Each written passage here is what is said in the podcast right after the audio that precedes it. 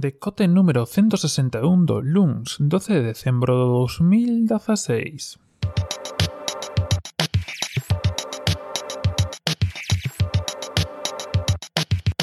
Bos días e a este novo decote, cota, esta nova edición Oxe, ademais de forma especial, pero bueno, antes de empezar con iso Lembrarvos está amañado xa Antes non funcionaba, teño que decilo Mea culpa, hai un problema de de códigos, eh, pero xa podedes suscribir a newsletter. Este domingo xa saiu para pouquiñas persoas, para un público selecto, como sodes todos vos os que escoitades este programa.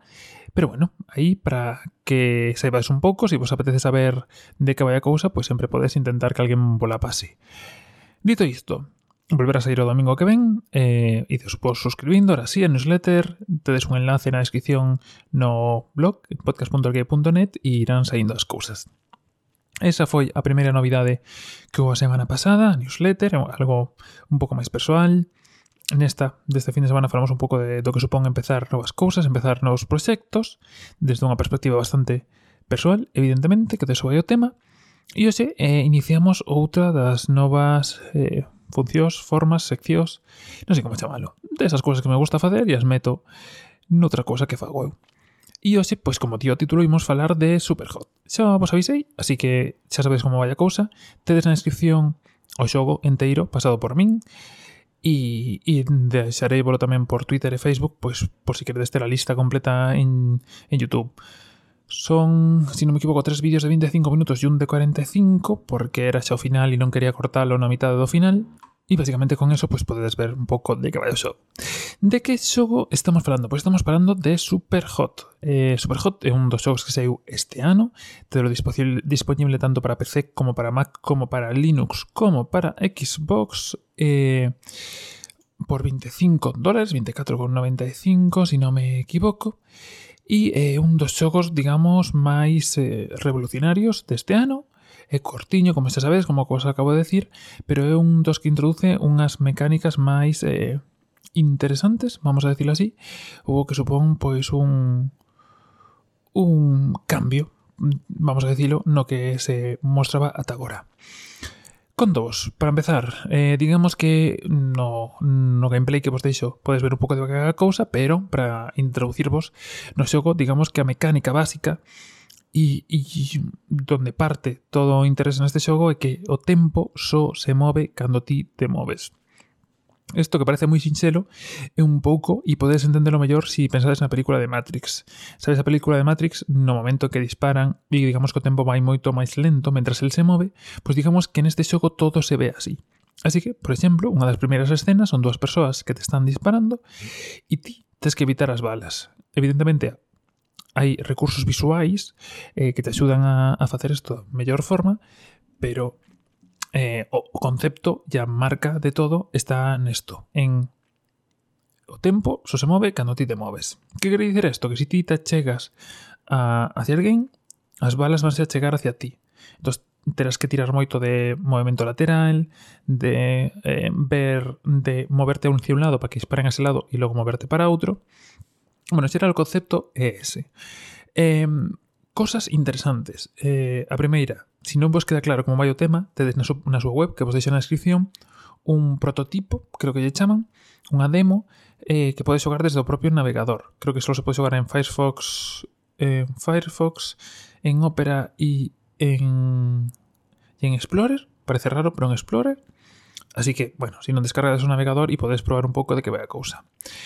O xogo Eh, bastante interesante, creo decir, leva a mecánica, evidentemente, tira desta mecánica todo o que pode, non se centra solo en esquivar balas, sino que se centra tamén un pouco en como podes moverte ti, introduce varias mecánicas, digamos que eh, tedes, pois pues, evidentemente, a básica, que é que só se move o tempo, só se moven as cousas pois, pues, que estén en movimento cando te moves porque cando se move o tempo, pero logo introduce novas mecánicas como eh, recollar armas e soltar armas, que é unha das principais, como saberedes, eh, o tema de que os golpes eh, ya hai certos xestos que moven o tempo rapidamente e que ti non podes facer nada, quero decir, recoller un arma sería moi absurdo que fose un pises como pouco a pouco va a recoller a arma. Así que nese momento no que lle das a recoller a arma faise rapidamente, o tempo movese rapidamente e tes que telo en conta. Pese a ser un shooter, eh, non, es, non é un xogo de acción ou uso onde ter que disparar moi rápido, máis un xogo de pensar, de ver como actúa a IA, de ver como actúa a inteligencia que ten o xogo detrás e ser consecuente con eso. Ademais, desta mecánica que vos digo de poder recoller cousas e tirar cousas, pois introduce ao final do xogo é unha mecánica de poderse intercambiar co resto de persoas digamos que son as, as mecánicas fundamentais. Como fai isto dunha forma interesante?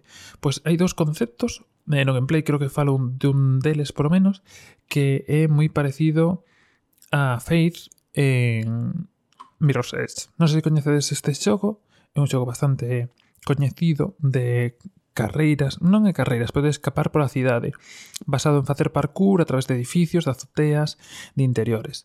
É un xogo que saiu para Play 3 ou para Play...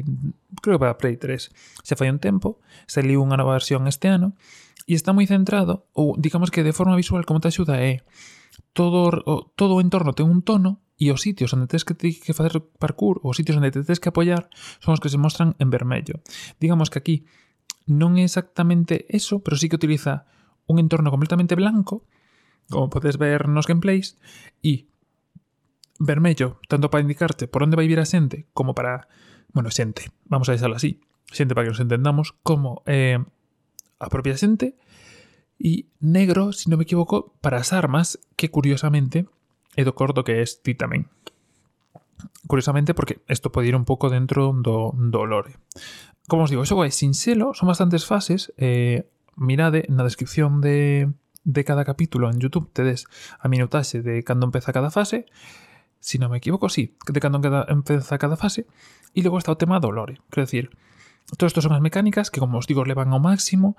Hai moitos tipos de armas moi interesantes, quero dicir, hai corpo a corpo, evidentemente, hai pistolas, hai katanas, hai eh, pistolas de perdigós que son moi interesantes, porque evidentemente con cada disparo, digamos que xa non é unha bala que ven hacia ti, senón que é unha serie de perdigós que se dirixen hacia ti. E eh, ametralladoras, que son, digamos, as máis complexas porque...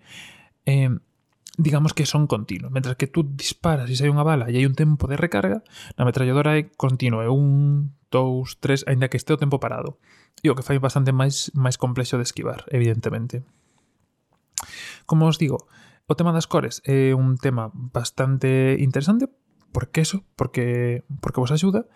Logo está o tema das armas e logo como, como iba dicindo, que se me vai a perola, está o tema do lore. Eh, é bastante interesante e aquí sí que si queredes un pouco enterarvos máis en concreto de que vai o lore, sí que o mellor que podedes facer é eh, ver o gameplay, pero fala un pouco de evidentemente é un lore moi eh, técnico. Quero decir, non é unha historia ao uso, pero sí que dentro dun xogo que realmente o que fai é mostrar unhas novas mecánicas, pois mete unha historia que sempre se agradece. Unha historia curiosa eh, e que creo que que inesperada porque eu realmente non sabía nin que tiña unha parte de historia porque todo o que se falase só o que se falou deste xogo pois foi máis relacionado eh, coa parte xocable das novas mecánicas pois eu creo que sí que é digna de, de polo menos botarlle un ollo como os digo te delas nos vídeos se si vos interesa eh, ben sinxelo botarlle un ollo E pouco máis que decir sobre este xogo. Sobre todo, o tema da mecánica, que vos quedes con que é un dos grandes xogos deste ano, xunto eu diría que este, Undertale, eh, The Witness, pois son os pequenos e Fire, Firewatch Son os pequenos indies que saíron este ano e que digamos que están aí no máis alto. The Witness é outro dos que xogaremos, Undertale tamén o temos aí para xogar, pero como os digo, eh, se unha vez que vedes isto pois apetece algo máis concreto, pois subimos algo máis concreto. Ademais desto, xa vos digo que haberá outros xogos, pero bueno, vamos a empezar por isto, vamos a centrarnos con este tipo de cousas. Deixo na, descripción a páxina de Superhot, do xente que o desenvolveu, donde tedes o prototipo, por se si vos apetece xogalo. Tamén tedes aí unha forma de compralo por 25 dólares, se si non me equivoco, para Steam, que é un precio bastante ben, son bastantes horas de xogo.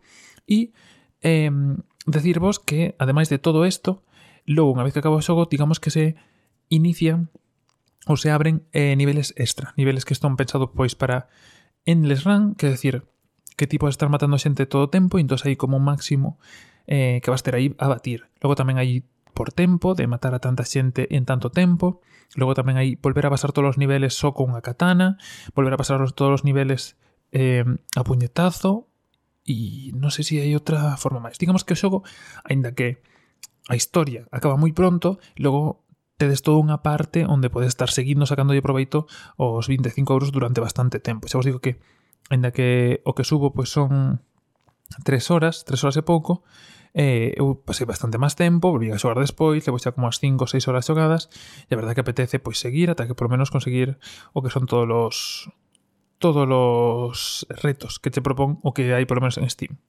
Como os digo, para todas as plataformas, así que está moi ben, PC, Mac, Linux e Xbox One.